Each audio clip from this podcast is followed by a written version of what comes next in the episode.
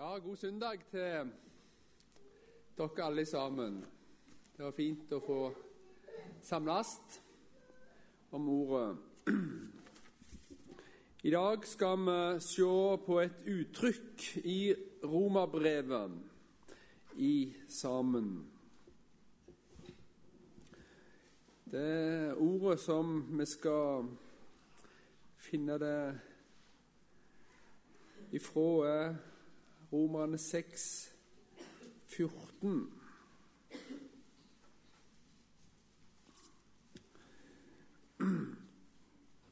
Romerne 6, 14.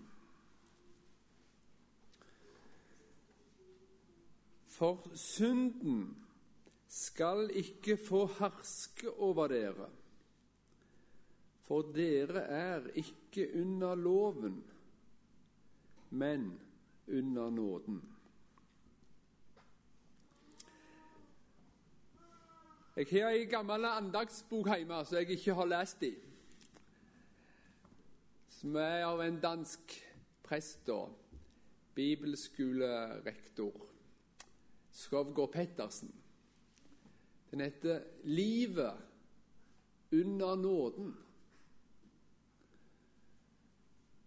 Og Det er litt det jeg har lyst til å dele med dere i dag.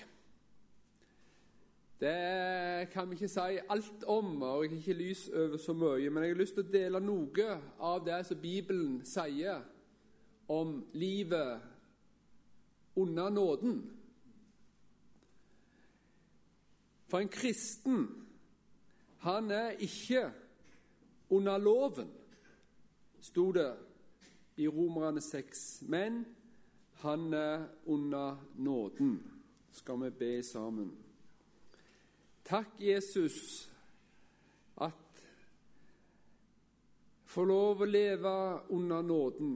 Og jeg ber om at du må vise oss litt av sannhetene i ditt ord om dette i dag. Amen. Å være en kristen, det er å leve under nåden.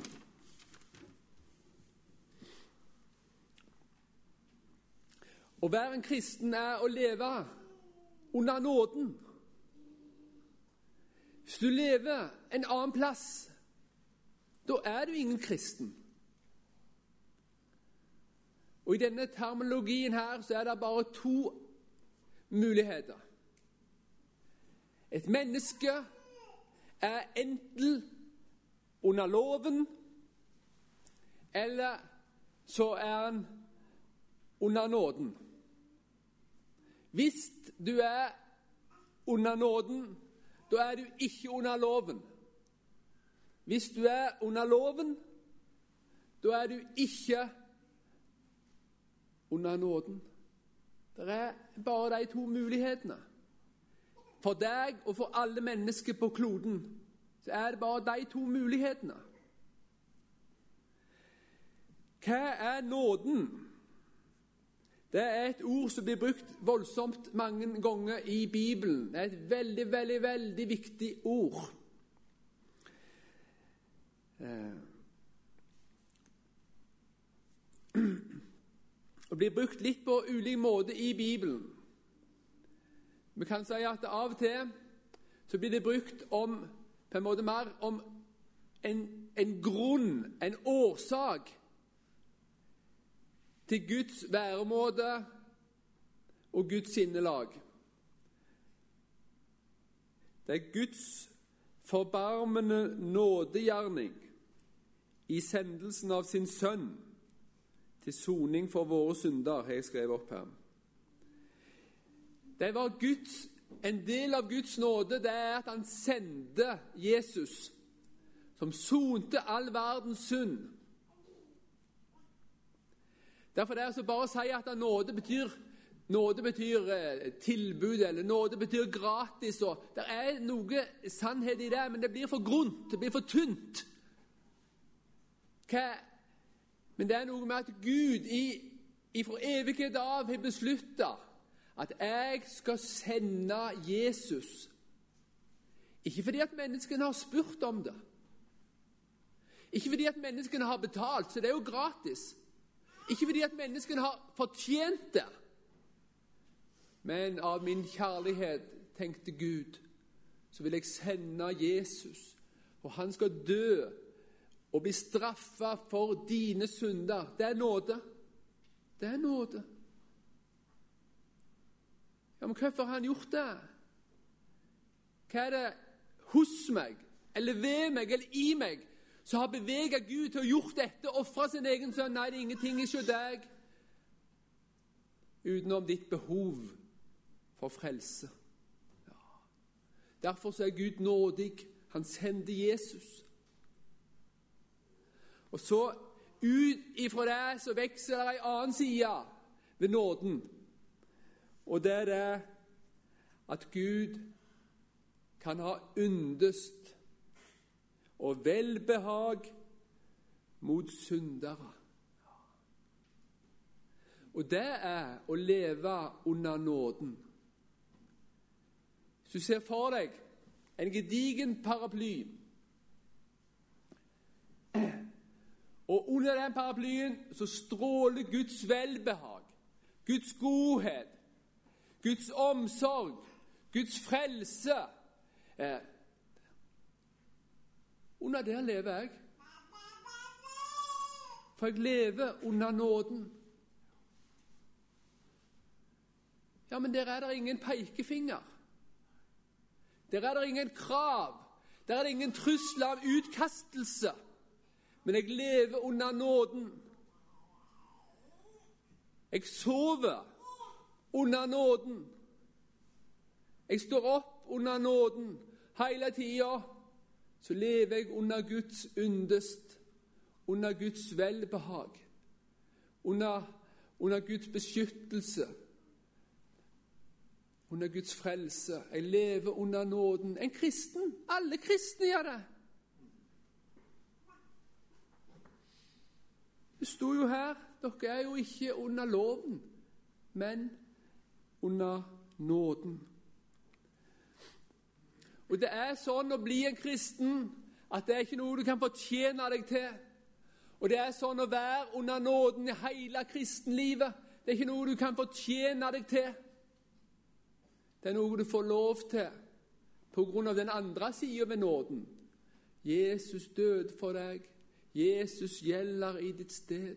Jesus har tatt dine synder på seg, de syndene du gjorde før du ble en kristen, og alt det som hefter ved deg i ord og gjerning og i kjød og natur, tanker følelser etter du ble en kristen som ikke holder mål for Gud. Jeg lever under nåden. Det er ingen fordømmelse. Det er ingen anklage. Det er livet under nåden. Romerne 11, 6 understreker noe av dette. Men er det av nåde, da er det ikke mer av gjerninger. Ellers blir nåden ikke lenger nåde. Ja. Hvis du blander inn noe av ditt eget, ja, da, er det jo ikke nåde lenger, for da er du plutselig med og skal hjelpe til. Men menneskene er så forskjellige og har fristelser i ulike retninger. Noen har fristelser til at de fort vil eh, arbeide og fortjene nåden. Ja, men da øyelegger du jo nåden. Da er jo ikke nåden nåden lenger. Andre tror ubevisst at de er voldsomt viktige. Sånn at visst, det, det er så vanskelig for dem å tro nåden, for de fortjener ikke nåden. Nei, men du, det er jo nådens vesen, det, at du ikke kan fortjene den. Ja, men så ser jeg at jeg er en synder, og så tror jeg at jeg blir kasta ut av nåden. Nei, du er ikke så viktig med dine synder at du, at du kan øyelegge Guds nåde. Men du får leve under nåden hele livet. Og der tar Jesus ansvar for deg. Der gjelder Jesus i ditt sted. Der er det ingenting som kan fordømme Og jeg tror at dette er noe som mange av oss som hører Jesus til, vi har vanskeligheter for å holde dette fast. Og Dette er noe av hemmeligheten i lov og evangelium, som Luther har vært inne på at det er den vanskeligste kunsten. Det er nok lett å kunne sette opp noen skjemaer og noe å forstå dette her. Men så merker vi i livet Så kommer loven inn i livet mitt. Og da var det ikke så lett likevel å si at ja, men, ja, men jeg lever, under, jeg lever under nåden. Her er det ingen krav. Her er det bare frihet. Er jeg frelst. Har Jesus ordna alt. Ja. ja, men er det sånn, da? Ja. For jeg er ikke lenger under loven. Jeg er under nåden. I mitt forhold til Gud er det verken ett eller ti bud som gjelder. Jeg er fri. Jeg er fri. Sånn var det ikke alltid. For jeg, vi var alle av naturen vredens barn, står det i Feserne 2. Og vreden, det kommer av at Gud har en lov, befalinger, bud og forbud. Hvis du ikke holder deg, så blir Gud vred. Ja, så lever du under loven, så er du fortapt. For da kommer Gud er nøye med deg. Så sier han, har du noen gang tenkt på deg sjøl mer enn på de neste? Er det noen gang du ikke har elska meg over alle ting? Ja, da er, da er du et vredens barn. Da er du skyldig til den evige ild. Sånn er det å leve under nåden. Der er der, der er der ingen barmhjertighet. Der er der nøyaktighet, etterrettelighet og rettferdighet under loven. Stakkars deg hvis du er der. Ja. Men å leve under nåden, det er noe helt annet. Der er det ingen krav. Der er det bare å få lov å regne med det som Jesus har gjort. Det lever jeg på hans regning. Der er det han som ordner alt. Og er det mer å legge ut, sier Jesus, så skal jeg betale det òg når jeg kommer tilbake. Jeg trenger ikke være redd. Å leve under nåden, det er å leve i menighetens sykehus, ja, i herberget. Og vi venter på at Jesus kommer igjen. Og er det mer å legge ut, så skal jeg ta meg av det òg. Du trenger ikke være redd. Å leve under nåden, det er å leve sammen med Jesus og leve på det som han har gjort. Men den som er i sine synder, den som er under loven, den som lever i sin naturlige tilstand og ikke er en kristen, ja, han er et vredens barn. Å, Jesus roper på deg i dag. Ja, du skal få lov å leve under nåden, sier Jesus for jeg har kjøpt deg så dyrt med mitt eget blod. Ja.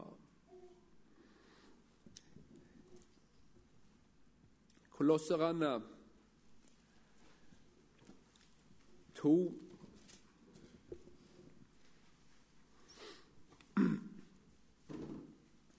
Fjorten Der står det om buda. Og De buda det er et skyldbrev. Det viser at du er skyldig. Men det står her om Jesus på Golgata kors. Han utslettet skyldbrevet mot oss. Det som var skrevet med bud, det som gikk oss imot. Det tok han bort da han naglet det til korset.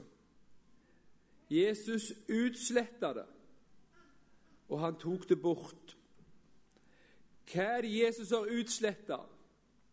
Hva er det han har tatt bort? Han har tatt bort skyldbrevet. Det er brevet som viser at du er skyldig for Gud. Det var skrevet med bud, men det er tatt bort. Det gjelder ikke i ditt forhold til Gud, for det er tatt bort. Det står her. Han utsletta det. Skyldbrevet, det som var skrevet ved bud, det som gikk oss imot. Ja, det gikk oss imot, men han tok det bort da han nagla det til korset. Og her vil jeg lese litt fra denne glimrende boka. Martin Luthers teologi. Den er ikke bare en innføring på det teoretiske planet om hva Martin Luther mente, men den er veldig, veldig god og trøsterik.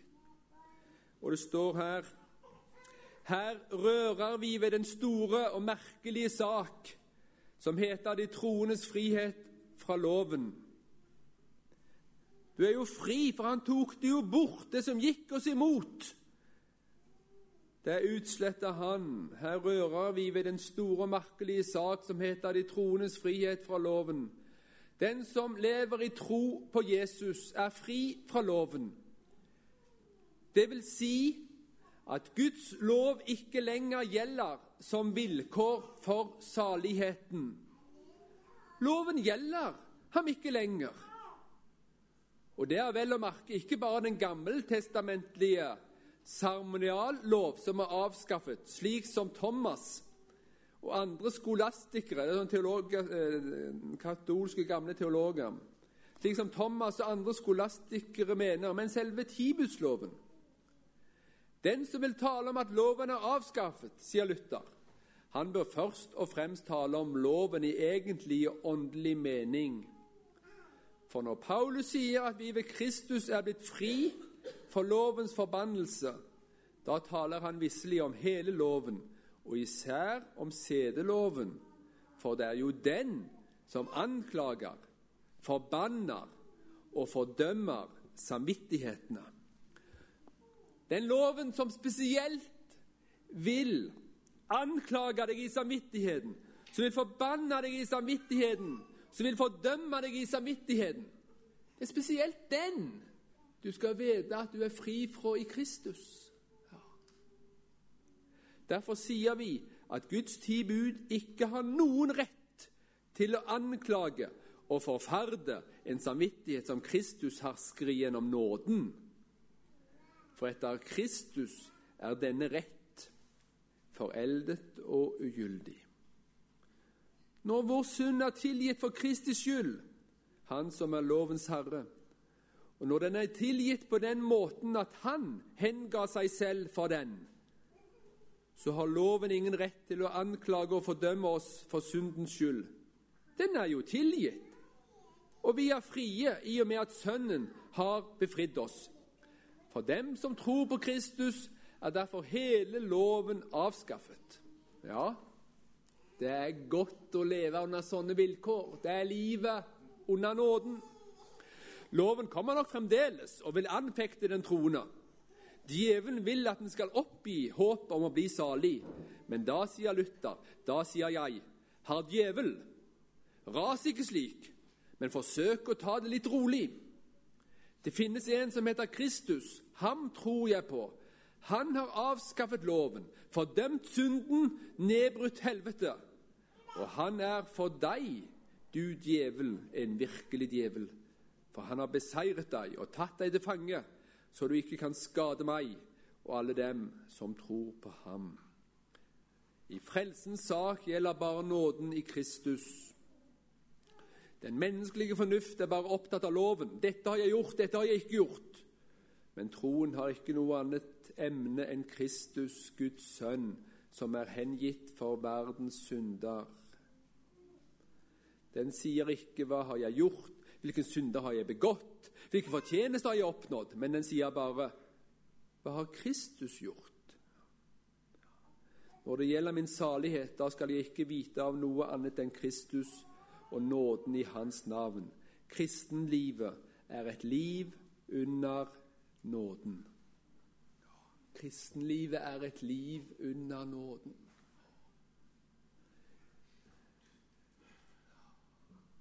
kristenlivet er et liv under nåden. Du får en tilregna rettferdighet. Du får alt det som Jesus er og gjelder for. det er ditt ved trua på Han. Det står i Romerne 4 om David, og han er tatt her som et eksempel for deg.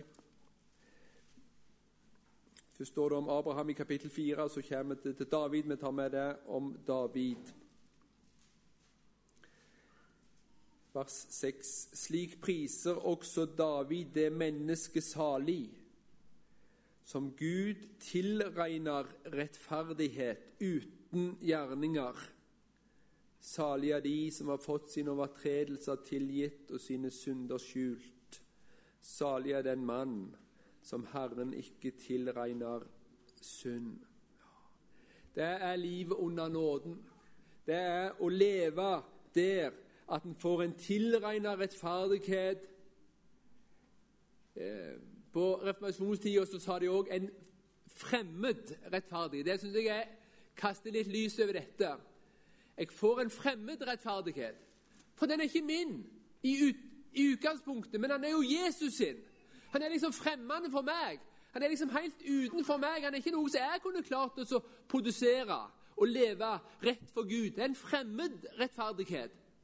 Men den er min. Den er tilregnet meg. Uten gjerninger, uten fortjenester.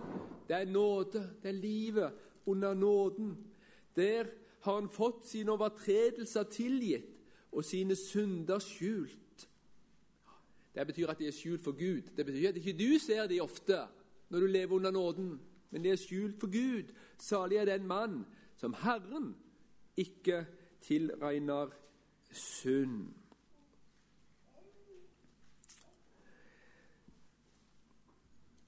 Sånn er det. Nåden er så rik. Og nå har jeg lyst til å dele med dere noe veldig trist og oppmuntrende i andre kongebok og i andre krønikebok, andre kongebok 21. Der står det i hele Israels kongetid Så tror jeg vi kan si i Nordriket Israel og i Sørriket Juda på gjennomsnitten så var kongene betydelig bedre og gudfryktige i Sørriket enn i Nordriket. Men den verste av de alle, han var i Sørriket. Og på toppen av det hele så var han den som hadde lengst regjeringstid av alle kongene. Noen har en tanke om det at uh, det som Gud ikke har behag i, det går fort til grunne. Men det er en slags herlighetsteologi som ikke stemmer med Skriften. Manasseh han ble konge da han var tolv år, og han regjerte i 55 år. Det var en grusom tid i Israels historie. Vi kan ikke gå inn på alle sidene med han, men det står her i 2. kongebok 21. Manasseh var tolv år gammel da han ble konge. Han regjerte 55 år i Jerusalem. Hans mor hette Hefsiba. Han gjorde det som var ondt i Herrens øyne, og fulgte de motbydelige skikkene hos de hedningefolkene Herren hadde drevet bort for Israels barn. Husk at dette var i Guds folk, dette var i menigheten. Det er trist, ufattelig, mørkt. Han bygde opp igjen de offerhaugene som hans far Hiskia hadde ødelagt. Og han reiste alteret for Baal og laget et erstattebilde, slik som Israels konge Akab hadde gjort. Han tilba hele himmelens hær og dyrket den. Han bygde alteret i Herrens hus, enda Herren hadde sagt i Jerusalem vil jeg la mitt navn bo. Han bygde alter for hele himmelens hær i begge forgårdene til Herrens hus myrda sine egne sønner. Det kommer i vers 6. Han lot sin sønn gå gjennom ilden og gav seg av med å spå av skyene og tyde varsler. Han skaffet seg dødningemaner og spåmenn. Han gjorde mye som var ondt i Herrens øyne, så han vakte hans harme. Han satte det av startebildet som han hadde laget i det huset som Herren hadde talt om til David og hans sønn Salomo da han sa:" I dette huset og i Jerusalem, som jeg har utvalgt blant alle Israels stammer, vil jeg la mitt navn bo til evig tid. Og jeg vil ikke mer la Israel vandre hjemløs bort fra det landet jeg ga deres fedre, så sant de bare gir akt på å gjøre alt det jeg har pålagt dem, og lever etter hele den lov som min tjener Moses ga dem. Men de ville ikke høre. Og Manasseh forførte dem, så det gjorde enda mer ondt enn de hedningefolk som Herren hadde utryddet for Israels barn. Og så var 16. Manasseh utøste så mye uskyldig blod at han fulgte Jerusalem med det fra ende til annen. Og dertil forførte han Juda til å synde og gjøre alt det som var ondt i Herrens øyne. Ja, det var en grusom tid. Men kongebøkene sier ikke alt. Perspektivet har en sagt i kongebøkene. Det er det profetiske perspektivet.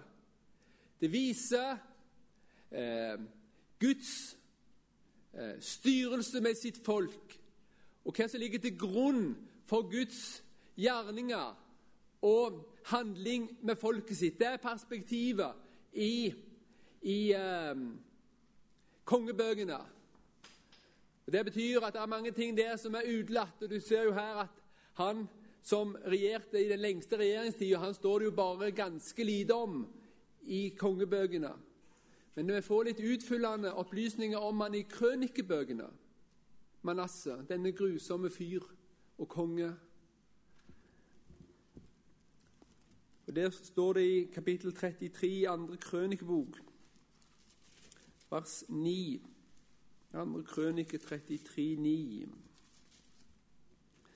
For krønikebøkene de er mer historisk retta på Guds folks historie. Det, det, dette overlapper hverandre, men perspektivet på det er sterkere i krønikebøkene. Står det her i vers 9. Men Manasseh forførte Juda og Jerusalems innbyggere, så det gjorde enda mer ondt enn de hedningefolkene som Herren hadde utryddet for Israels barn. Herren talte til Manasseh og hans folk, men de aktet ikke på det. Derfor lot Herren asyrerkongens hærfører komme over dem. De fanget Manasseh med kroker. Ja, her er det jo nye opplysninger som ikke sto i kongebøkene. De fanget Manasseh med kroker og bandt ham med to kobberlenker og førte ham til Babel. Men da han var kommet i nød, bønnfalt ham Herren sin Gud og ydmyket seg dypt for sine fedrers Gud. Og da han ba til Herren, bønnhørte han ham. Det er nåde. Ser du hva nåde er? Vil Gud høre på slike som Manasseh? Tror du det? Men Gud er nådig. Ja. Tenk å få lov å leve med en sånn Gud. Trenger du det? Ja, det trenger jeg. Det var en, det hørte vi vel når Mikkel Vigilius var her, en som hadde spurt faren hans Jeg husker ikke akkurat hvordan det var, men det var et eller annet sånt om, om Jesus hadde dødd òg for, for uh, Hitler, eller noe sånt. Ja, det er mitt eneste håp, hadde gamle Vigilius sagt. Ja, for han trengte røvernåde. Han trengte Manasseh-nåde. Og hvordan er Gud? Gud er nådig. Gud er uendelig nådig. Så han er forferdelig kong Manasseh ødela både seg sjøl og andre mennesker, utøste blod og forførte Israel, innsatte avguderier all elendighet. Men da han ba til Herren, bønnhørte han ham. Herren hørte ham, hans ydmyke begjæring, og førte ham tilbake til Jerusalem, så han fikk sitt rike igjen. Da sannet Manasseh at Herren er Gud. Ja, det var livet under nåden.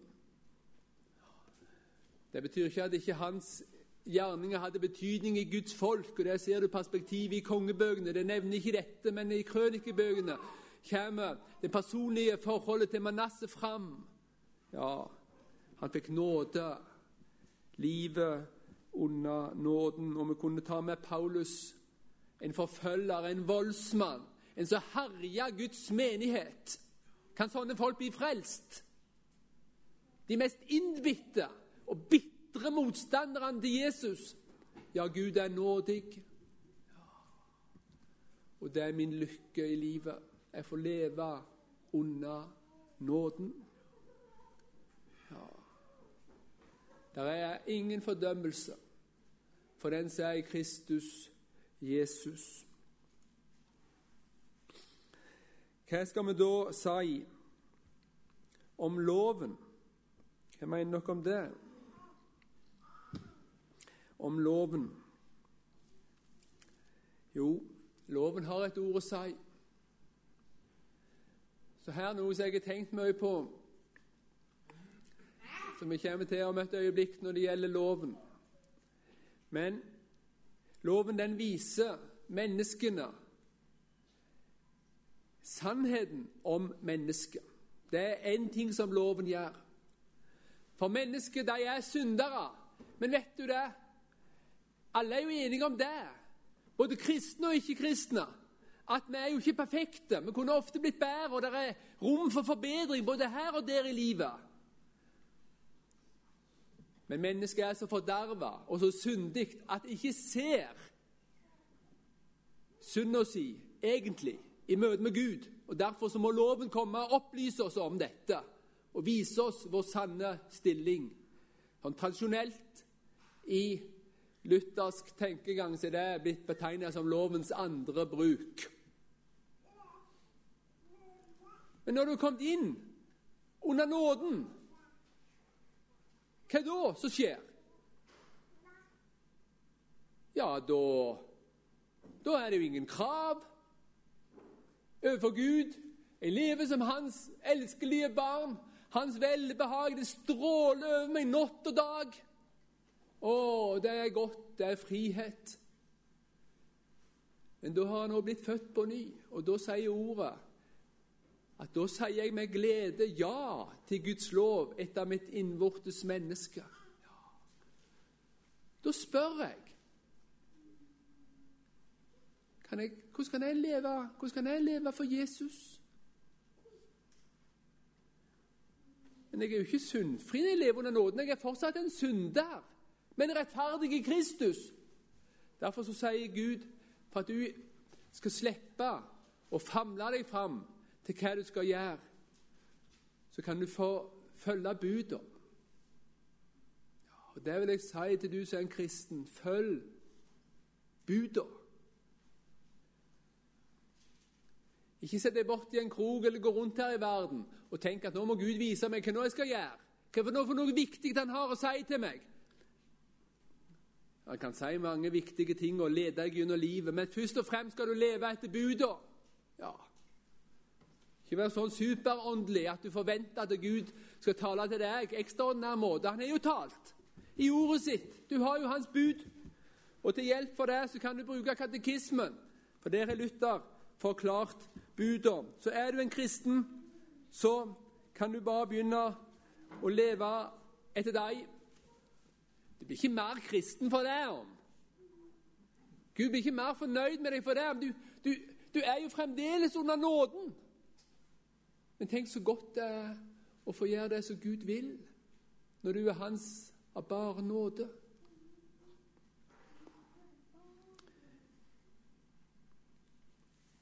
Du skal ikke misbruke Guds navn. Da kan det budet der. Vi skal frykte og elske Gud, så vi ikke bruker Hans navn til å banne, sverge, gjøre trolldom, lyve og bedra. Men kaller på Gud i all vår nød, ber, lover og takker. Ja, da skal du gjøre det, da. Skal du kalle på Gud i all nød? Når bilen ikke starter, når du har en vanskelig oppgave, når du møter en person som du syns er litt vrien, sant? når du er noen som vil banke deg opp, på skolen. Skal du kalle på Gud i all nød? Ja, det kan du begynne med. Ja, det vil Gud. Skal be til Han. Skal love Han og takke Han. De fleste av oss er foreldre. Og av og til har du andre som står i foreldrenes sted, f.eks. For lærerne. Hva vil Gud da? Ja, jeg er jo gamle foreldre, jeg. jeg er voldsomt gamle. Vi skal frykte og elske Gud, så vi ikke forakter våre foreldre og overordnede, eller gjør dem sinte. Ja. Hvis du er en kristen gutt eller kristen jente, så må du ikke gjøre mor og far sint. Det le, Leve under nåden. Du har lyst til å leve sånn som Jesus vil. Ikke fordi jeg skal bli en kristen, men fordi at jeg er en kristen. Men jeg skal ære dem, tjene dem og lyde dem, elske dem og respektere dem. Ja. Jeg ser det når min far er blitt over 80 år og har hatt kreft og har mista synet. Han må leies, og han må, han må, han må vi si til når vi skal ete sant, at, at der fikk du ikke med deg smør når du tok, tok eh, kniven for å famle rundt og finne noe smør, sant? og der datt det noe ut forbi ditt og datt. Ja, men jeg skal respektere han. Han er jo faren min. Det vil jo Gud. Han sier ikke til Grete når, når far ikke hører det, at han, han er ikke kontroll på noen ting. og sant? Du ser hvor gammel og skranten han er blitt. Hæ? Nei, jeg respekterer han. Sant? Jeg elsker han, jeg ærer han, jeg vil tjene han. Ja, sånn er det. Og så er det et spesielt bud som jeg vil ta fram for oss her i Namdalen. Hvorfor er er det? Det er ikke sikkert det er sant, men det er et som jeg tror er veldig aktuelt for oss. Og det er det åttende. Du skal ikke si falskt vitnesbyrd mot din neste. Vi skal frykte og elske Gud, så vi ikke lyver om vår neste ikke sviker, baksnakker eller setter ut ondt rykte om han. Ja. Det er aktuelt for oss i Namdalen. Baksnakke andre.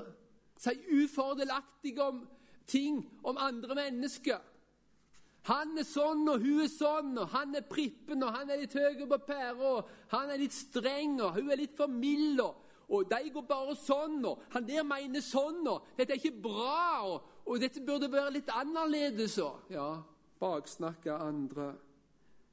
Men vi skal unnskylde han. Når noen som gjør noe teit, skal vi legge inn et godt ord for dem. Det var ikke så godt. Hva er det vi har gjort? Kanskje var det sånn og sånn, og vi skal unnskylde. Vi skal snakke pent om han. Ja. Det er liv under nåden. Få lov å snakke pent om de andre kristne i Namdalen. Snakke pent om kommunestyret i Namsos, som vi syns har gjort mange snodige vedtak, kanskje. Ja. Ta alt i beste mening. Ja. Det er loven. Det er loven. Og så er det en ting, Den siste tingen jeg vil si om loven, som jeg har tenkt på for oss, eh, som er veldig, veldig, veldig viktig når vi skiller mellom lov og evangelium, tror jeg, for en kristen. Og det er noe som, eh, som i hvert fall blir sagt. Jeg har lest det sjøl i apologien til den augsburgske konfesjonen. Og det eh, Så vi kan jo lære litt latin i dag. Lex semper accusat. Loven anklager alltid. Fordi om du er en kristen, og fordi om du er fri fra loven, fordi om du overfor Gud er helt skyldfri, sånn som jeg Du får bud og sier hvordan du skal leve så viser det ikke noe om ditt gudsforhold, men det er forhold til de andre. Men det viser seg om igjen, om igjen, om igjen. Loven anklager alltid. Ja. Det skal du huske. Derfor trenger vi mye trøst av nåden, for loven anklager alltid. Alltid når loven kommer, så anklager han. Og noen kristne har en varere samvittighet på de tingene enn andre. Men det er mange der, ja. Du må lese i Bibelen. Det er godt når du er en kristen og lever under nåden. Men du blir ikke mer kristen av å lese mer i Bibelen. Er du under nåden, så er du under nåden. Men likevel, når vi sier det, så blir det så fort at vi blir anklaget i samvittigheten. Oi, gjerne Gud ikke ser med velbehag imot meg, for jeg får ikke til så godt min bibellesning, min bønn. Jeg er ikke mot naboene sånn som jeg burde. Og så, og så tenker vi oi, gjerne Gud er imot meg nå. Nei. Under nåden, der er du fri. Men du skal vite det at loven den anklager alltid. Ja. Som det alltid være. Og Det skal du tenke for din del, og det skal du tenke for din nestes del. Og loven, det er ikke bare de ti bud, men det er alt som Gud krever. Og hvem er subjekt i lovens tale? Da kan det subjekt i setningen sant? det er den som er den ansvarlige, den som gjør eller har eller er noe. I loven er det du. Så hvis det er en setning med 'du' i, da er det loven. Det er ikke helt rett, men det er nesten for det. Du er frelst av Jesus. Det er ikke lovens. Men du må ta det alvorlig. Eller Hvis vi sier noe sånn veldig sånn forsiktig, som mange ikke tenker er loven Du har vel fått tak i det jeg har sagt her i dag? For det er veldig viktig. Hva det er for slags setning? Det er loven. Hvis du opplever at det er ifra Gud. Så tenker jeg, tenker jeg med en gang to ting. Ja, tenk jeg får være Jesus sin. Men så tenker jeg òg Oi, jeg jeg har, ikke fått tak i det godt nok. Hvordan, hvordan går dette? Så kjenner jeg anklagen i samvittigheten. Ja, Hva skal jeg da gjøre? Hvor skal jeg hen med denne nød? Jo, ile til min frelsers skjød, til Jesus sitt fang. Ja, livet under nåden. Jeg får leve der, får tenke på ordet. Så sier det ingen fordømmelse i Kristus Jesus. Jeg får lov å leve livet mitt under nåden. Ja, det gjør jeg i møte med loven. Og så sier jeg med glede ja til loven etter mitt innvortes menneske. Ja, Jesus, kan jeg leve for deg? Kan jeg innrette livet mitt etter ordet ditt? Ikke for å bli en kristen, men for å være en kristen. Så kunne vi ha lyst til å si mange, mange mer ting, fordi at vi merker altså her òg kampen. Under nåden så er det òg kampen mellom kjøtt og ånd. Den gamle naturen. Jeg er meg sjøl, sånn som jeg alltid har vært. Samtidig er jeg et nytt menneske i Kristus. Ja, men da blir det en kamp mellom kjød og ånd. Og jeg merker det at det ofte så gjør jeg det som jeg ikke vil, og det som jeg ikke burde. Og det som jeg vil, og det som jeg burde, og det som jeg er skyldig til å gjøre, det gjør jeg ikke. Ja, hva da? Å, Gud være takk ved Jesus Kristus. Og at det er kasta lys over det i denne boka òg. Romerbrevet 7. Luther forteller i romerbrevsforelesningen at han lenge mente at dette stedet, altså Romerne 7, 13-25, talte om det mennesket som fremdeles er under loven, og ikke under nåden. Mens hans egen, men hans egne åndelige erfaringer sammen med studiet av Augustin Ambrosius hadde lært ham noe annet. Det er bare en gjenfødt kristen som med rette kan si at han har lyst til Guds lov. Dette er ikke karakteristisk for et kjødelig, uomvendt menneske, for han hater loven og følger kjødets begjæring. Men et åndelig menneske kjemper mot sitt kjød og sukker fordi han ikke makter å gjøre det han gjerne vil. Synden gjør ham kjødelig, men stiller ham ikke under vreden. Ja, Nåden og vreden kan nemlig ikke være der begge to. Mm. Så er det som kjødelig menneske han ikke skjønner hva han gjør, men som åndelig forstår han det. For hvordan kunne han ellers si at han ikke skjønner hva han gjør? Ja, mye godt i denne, denne boka. Dermed så er det sånn at en kristen under nåden han er fullstendig fri, fullstendig frikjøpt, eier en fullstendig rettferdighet i Kristus. Han står for Gud som om han aldri hadde synda. Samtidig har han sitt kjød og merker det at jeg i meg sjøl, sånn jeg er av kjødet, bor intet godt. Men jeg får lov å være Jesus sin av det som Jesus har gjort. Og så vil jeg gjerne få lov å leve for Jesus den tida han gir meg her på jord. Det er litt.